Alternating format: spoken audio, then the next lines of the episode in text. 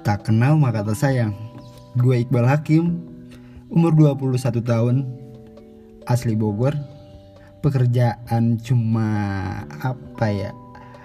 Nggak cuma juga Gue pekerjaan gue Sebagai kitchen di salah satu restoran Jepang di Jakarta.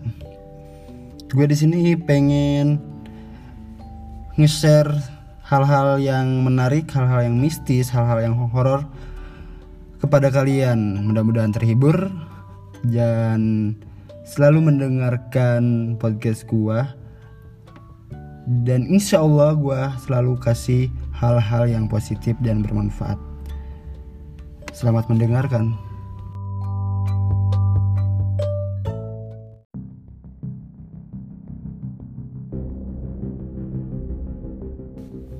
Oke nih, sekarang ada Jaki Mubarok. Gue mau nanya-nanya tapi gue kasih kesempatan dia untuk mengenalkan diri dulu. Siapa dia? Dari mana dia? Ya udah, cerita aja. Oke, jadi nama gue Jaki Mubarok, umur 20 tahun. Pengalaman gue naik gunung itu pertama gue diajak temen yang akhirnya gue tuh jadi hobi jadi keterbiasaan Tertarik? tertarik dengan suasana gunung Oke. dan gue juga punya beberapa pengalaman mistis di gunung Bukan gunung salak doang tuh. bukan mungkin gunung salak itu adalah salah satunya nantilah di lain kali gue bakal cerita lagi Oke. Sekarang udah nih perkenalannya. cukup segitu saja Oke, gue sekarang mau nanya-nanya nih. Oke nih, gue mau nanya. Eh tapi sebelumnya sebelum ini viral ya di di semua yang apa ya yang suka naik gunung itu teman lu udah ngupload video ya? Video ketika kejadian itu? Temen gue sempet ngupload di salah satu channelnya channel pribadinya. Dan juga beberapa ceritanya di Twitter. Oh ke Twitter cerita- juga? cerita Instagram di grup pendaki-pendaki kayak gitu. Terus ada juga beberapa di blog-blog seperti pojok Bogor kayak gitu. Oke lu pas ke sana tuh hari apa? Tanggal berapa? Apa memang udah direncanain dari jauh-jauh hari buat naik gunung atau gimana? Mungkin kalau misalkan tanggal gue sempet lupa ya karena emang udah satu tahun lalu juga sih. Kalau misalkan bulan gue masih inget oh udah lama juga? Udah lama jadi di sini gue sebenarnya nggak ngerasa jahil ataupun gimana gimana ya. Mungkin karena emang Gunung Salak tuh emang terkenal sama mistis. Yang pertama angker. angker. Dan juga bukan cuma gue sih yang ngalamin ini ada beberapa teman gue juga yang mendaki Gunung Salak dan mengalami hal-hal yang sama. Oh bi- bisa dibilang gunung salak salah satu gunung yang angker mungkin. Apa gimana? Gue pernah baca di salah satu media kalau Gunung Salak itu gunung terangker ketiga di dunia. Ketiga? mungkin mungkin. Tapi gue gak tahu ya. Tapi udah ada di blog di ininya di artikel apa gimana? Lu bisa cari sendiri lah. Oke ntar gue cari di sini. Emang apa sih yang si makhluk halus itu ngejailin lu? Itu dengan cara apa? Dia tuh muncul si makhluknya itu di depan kalian apa lu dibuat bingung ketika jalan apa gimana? Mungkin semuanya gue alamin ya. Pertama teman gue kerasukan. Eh, ada beberapa teman gue juga yang melihat sesuatu. Dan juga eh, ketika jalan gue disesatkan. Disesatanku disalah jalanin apa gimana? Lu gak tahu jalan sama sekali bukan gak tahu jalan tapi gue ngerasa kalau misalkan jalan itu tuh, tuh panjang gitu. Ya udah gua pengen tahu sedetail-detailnya cerita lu di gunung tuh kayak gimana. Lu sekarang cerita cerita ceritanya real jangan bohong. Oke ya? Oke, sebenarnya gue ke Gunung Salak ini bukan rencana mendadak sih. Jadi gue udah ngerencanain dari jauh-jauh hari bersama 11 temen gue. Tapi salahnya gue di sini adalah tidak melewati jalur resmi atau jalur yang memang sudah ada asu- asuransinya. Hmm. tapi gue malah melewati jalur yang baru dibuka. Baru dibuka banget. Baru dibuka. Tapi emang sudah terbiasa dilalui oleh masyarakat di situ sih. Lu ke Gunung Salak itu udah berapa kali sih naik gunung di Gunung Salak jadi sampai gue mengalami kejadian kejadian ini gue ke Gunung Salak ini tiga kali. Tiga kali? Iya. Terus? Jadi gue mulai langsung dari awal aja ya mungkin. Oke boleh boleh boleh. Biar nggak lama juga. Iya. Kalau gak salah gua kemarin berangkat jam 7 pagi. Sekitar jam 7 jam 8 gue berangkat dari villa gua menuju ke jalur pendakian. Eh, estimasi estimasi waktu yang gue perkirakan harusnya nyampe 12 jam malah itu lebih dari itu ya. Gua ke Kawaratu tiga jam hampir tiga jam dan ke pos bajuri hampir satu jam setengah yang padahal waktu itu bisa ditempuh dengan hanya tiga jam tiga jam Hmm. nah sesampainya gue di bajuri eh, mungkin gue di sini terlalu mager ya sama anak-anak sampai akhirnya gue terlalu sore santai untuk melanjutkan perjalanan ke puncak. Eh, Orang-orang tuh biasanya dari Bajuri ke puncak dia ngambil waktu dari jam 12 siang. Jarang yang mendaki di Bajuri itu sore. Berarti dalam keadaan lu santai gitu Ya gue santai sama teman-teman. Saking santainya gue nggak lihat jam. Eh, ada beberapa beberapa orang yang nyaranin gue untuk ngecamp di Bajuri, cuman gue sama teman-teman Memutuskan. eh, ngotot, agak ngotot sih. oke foto langsung aja gitu Langsung aja ke puncak katanya ya udah kan di sini teman-teman eh, hampir semuanya pemula semua ya. ya pemula. Jadi baru banget ah nggak terlalu sering ke gunung gitu. Hmm, terus lu dari Bajuri tuh langsung ke tujuan? Langsung ke tempat tujuan. Di pertengahan jalan eh, sehabis maghrib di HM 22 kejadian pertama itu. Apa? Di per di pertengahan jalan itu lu kenapa temen gua Siva cewek dia ngalamin eh, satu kejadian waktu itu hujan ya. Hujan. Hujan gua pasang dipak sama teman gua eh, masak mie biasa istirahat Soma. Dan Siva melihat sesuatu di belakang pohon. Terus dia diam anak-anak juga sempat panik namun gua sempat mengalihkan suasana agar suasana eh, riang Iya, enggak- riang lagi lah jadi enggak- happy gitu kan. Nggak sepi. Nggak sepi. Sampai jam 7 malam gue melanjutkan perjalanan. Yang di saat itu gerimis juga masih gerimis. Jam 7 malam itu masih di jalan? Masih di perjalanan. Astaga. Terus gimana lagi sampai akhirnya gue ketemu bapak-bapak lagi ya yang turun. Dia tuh ngomong "Eh, dek udah ya kalian mending ngecamp di pos bayangan aja. Nah kan gue nanya emang kenapa ya pak? Karena puncak penuh katanya. Ya udah kata gue "Eh, kita coba dulu aja ke puncak. Salahnya gue di situ gue malah lanjut. Gak nurutin kemauan si bapak-bapak tersebut. Padahal emang di situ lagi ramai juga sih. Eh, kemungkinan kalau misalkan gue melanjutkan perjalanan ke puncak gue juga nggak kebagian lapak tenda. Iya. Hmm, sesampainya gue di HM 3736 sebelum pos bayangan ya. Sebelum pos bayangan di sini kemistisan seram terjadi mulai mulai ada hal-hal yang mulai aneh. mencekam. Iya. jadi temen gue nih si Siva dia kemasukan. Kemasukan? Kemasukan. Jadi kan gue lagi istirahat. Lagi istirahat minum biasa gitu kan. Iya. Tiba-tiba dia cekikikan suara kuntilanak kayak gitu. Gua sempet kaget cuman di situ alhamdulillahnya ada temen gua yang mungkin ngerti tentang hal-hal yang begitu. Heeh. terus Hmm, tidak lama kemudian sekitar 15 menit gua melanjutkan lagi ke dia udah sembuh tuh si Siva. Hmm, dia udah sadar Siva. Sudah. Terus? Tidak lama lagi sekitar 15 menit gua melanjutkan perjalanan ke puncak. Nah di situ sebenarnya anak-anak udah gak kuat ya. Iya.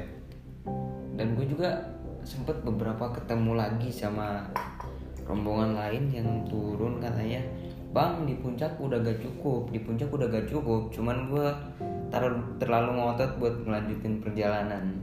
Sesampainya gue di pos bayangan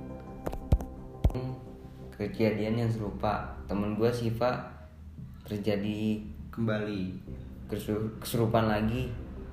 Namun di sini beda. Bedanya? dia mengaung seperti macan kayak gitu. Mengaung? Dia kesurupannya gimana langsung jatuh atau langsung gimana tuh? Sampainya gue di pos bajuri dia tuh langsung jatuh pingsan. Dan tiba-tiba mengeluarkan suara macan kayak gitu sambil cakar-cakar tanah. Tapi dia untungnya nggak nggak lari atau gimana ya? Apa dia lari? Enggak di situ kan banyak juga sih orang di situ. Pos bayangan hampir penuh. Ya Eh, terus temen gue juga yang 11 orang yang beda kelompok tadi tuh dia juga ada di situ kata gue, weh tenda mana tenda cewek? Iya. Soalnya kan gue belum pasang tenda di situ juga udah gak ada lapak buat tenda.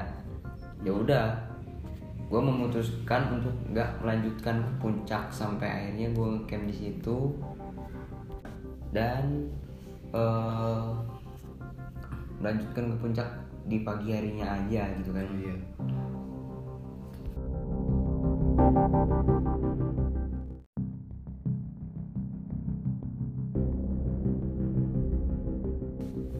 Oke nih, sekarang ada Jaki Mubarok. Gue mau nanya-nanya tapi gue kasih kesempatan dia untuk mengenalkan diri dulu. Siapa dia? Dari mana dia? Ya udah, cerita aja. Oke, jadi nama gue Jaki Mubarok, umur 20 tahun. Pengalaman gue naik gunung itu pertama gue diajak teman, yang akhirnya gue tuh jadi hobi, jadi keterbiasaan, Tertarik? tertarik dengan suasana gunung. Oke. Dan gue juga punya beberapa pengalaman mistis di gunung. Bukan udah salak doang tuh. Bukan. Mungkin Gunung Salak itu adalah salah satunya. Nantilah di lain kali gue bakal cerita lagi. Oke. Sekarang udah nih perkenalannya. Cukup segitu saja. Oke, gue sekarang mau nanya-nanya nih. Oke nih, gue mau nanya. Eh tapi sebelumnya sebelum ini viral ya di di semua yang apa ya yang suka naik gunung itu teman lu udah ngupload video ya video ketika kejadian itu Temen gue sempet ngupload di salah satu channelnya, channel pribadinya. Dan juga beberapa ceritanya di Twitter, oh ke Twitter cerita- juga? cerita Instagram di grup pendaki-pendaki kayak gitu. Terus ada juga beberapa di blog-blog seperti pojok Bogor kayak gitu. Oke. Lu pas ke sana tuh hari apa? Tanggal berapa? Apa memang udah direncanain dari jauh-jauh hari buat naik gunung atau gimana mungkin kalau misalkan tanggal gue sempet lupa ya karena emang udah satu tahun lalu juga sih. Kalau misalkan bulan gue masih inget oh udah lama juga? Udah lama. Jadi di sini gue sebenarnya nggak ngerasa jahil ataupun gimana gimana ya.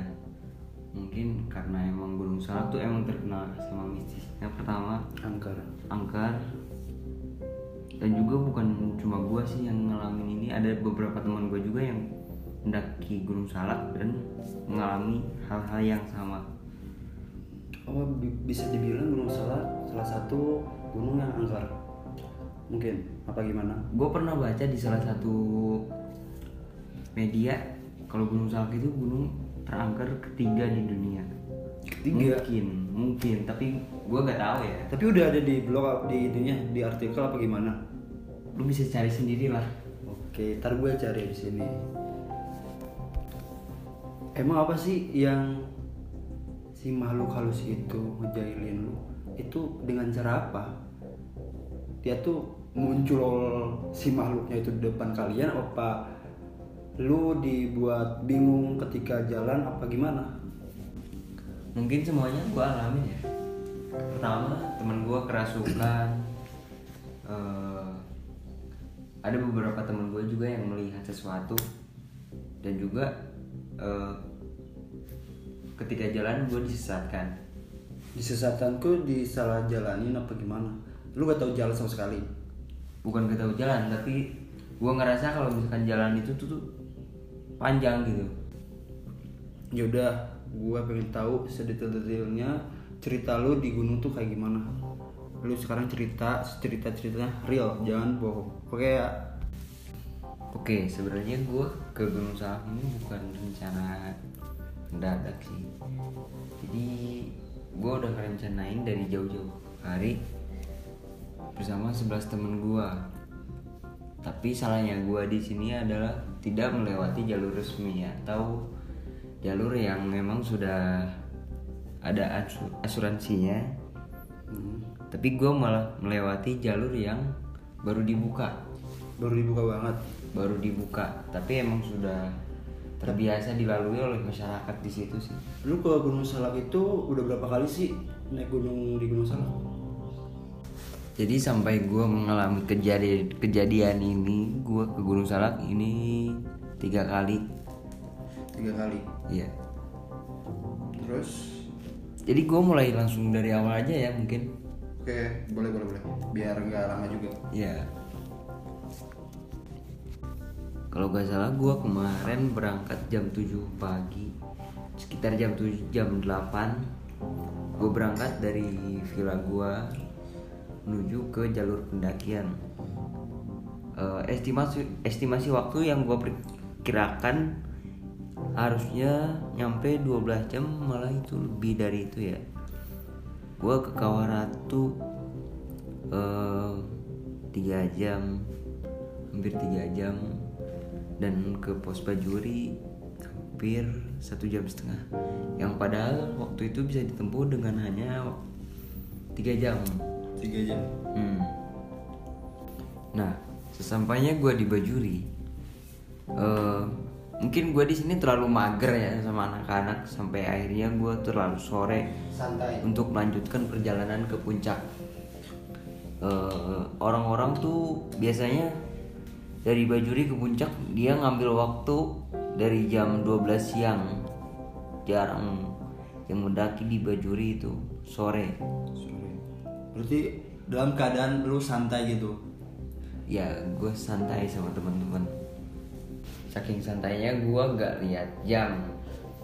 Eh, ada beberapa beberapa orang yang nyaranin gue untuk ngecamp di Bajuri, cuman gue sama teman-teman Memutuskan. eh, ngotot, agak ngotot sih.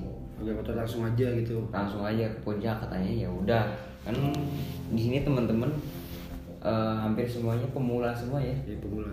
Jadi Baru banget ah, nggak terlalu sering ke gunung gitu. hmm, Terus lu dari Bajuri tuh langsung ke tujuan. langsung ke tempat tujuan di pertengahan jalan eh, sehabis maghrib di HM 22 kejadian pertama itu Apa? Di per di pertengahan jalan itu lu kenapa? temen gua Siva cewek dia ngalamin eh, satu kejadian waktu itu hujan ya Hujan. hujan gua pasang bipak sama teman gua eh, masak mie biasa istirahat Soma dan Siva melihat sesuatu di belakang pohon terus dia diam anak-anak juga sempat panik namun gua sempat mengalihkan suasana agar suasana eh, riang Iya, enggak. riang lagi lah jadi Enggak. happy gitu kan Nggak sepi. nggak sepi sampai jam 7 malam gue melanjutkan perjalanan yang di saat itu gerimis juga masih gerimis Jam 7 malam itu masih di jalan. masih di perjalanan. Astaga. Terus gimana lagi? sampai akhirnya gue ketemu bapak-bapak lagi ya yang turun. Dia tuh ngomong "Eh, dek udah ya kalian mending ngecamp di pos bayangan aja. Nah kan gue nanya emang kenapa ya pak? Karena puncak penuh katanya. Ya udah kata gue "Eh, kita coba dulu aja ke puncak. Salahnya gue di situ gue malah lanjut. Gak nurutin kemauan si bapak-bapak tersebut. Pada emang itu lagi ramai juga sih. Eh, kemungkinan kalau misalkan gue melanjutkan perjalanan ke puncak gue juga nggak kebagian lapak tenda. Hmm, sesampainya gue di HM 3736 sebelum pos bayangan ya sebelum pos bayangan di sini kemistisan seram terjadi Mulai mulai ada hal-hal yang mulai aneh. mencekam Iya. jadi temen gue nih si Siva dia kemasukan Kemasukan. kemasukan jadi kan gue lagi istirahat lagi istirahat minum biasa gitu kan Iya. tiba-tiba dia cekikikan suara kuntilanak kayak gitu gue sempet kaget cuman di situ alhamdulillahnya ada temen gue yang mungkin ngerti tentang hal-hal yang begitu. Terus Hmm, tidak lama kemudian sekitar 15 menit gue melanjutkan lagi ke dia udah sembuh tuh si Siva. hmm, Dia udah sadar Siva. sudah Terus tidak lama lagi sekitar 15 menit gue melanjutkan perjalanan ke puncak